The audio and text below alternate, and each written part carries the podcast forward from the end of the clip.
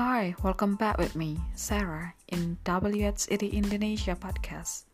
This episode is about something that you need to hear when you're feeling so blue. And if you feel that way, I want you to hear this.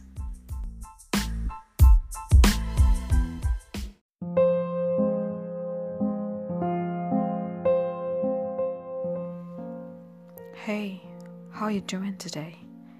Some of you are having a bad day, a stressful day, or having the lowest point of your life.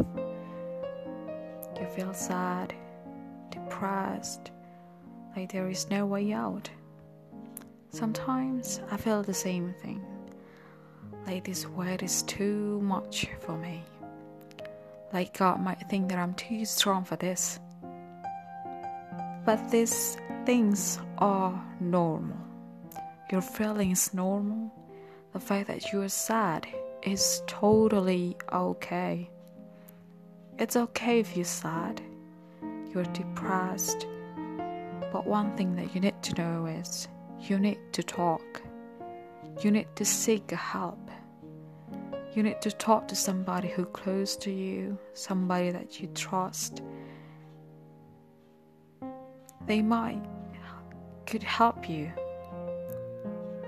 And this might help you a lot because you need to express your feeling. They will help you to heal. They will listen to you. Depression can come from sadness. It also can come from something that you regret. It's okay to feel that way. Seriously.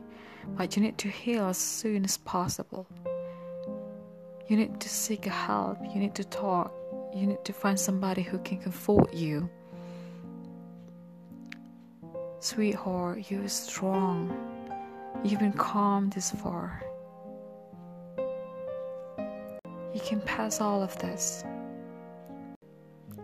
I know you've been losing a lot of things in this life, but the end of this suffering is very close. There will be a good sunny day after a great storm, right? There is nothing lost forever, honey. So, your problem, how far you've been lost, just come back, relaxed, take a break and a deep breathe. Impress yourself. Talk to yourself. Convince yourself that you are okay and you can make it. I know you can make it. We are WH80 Indonesia dedicate ourselves to support mental health for teenagers and the whole society.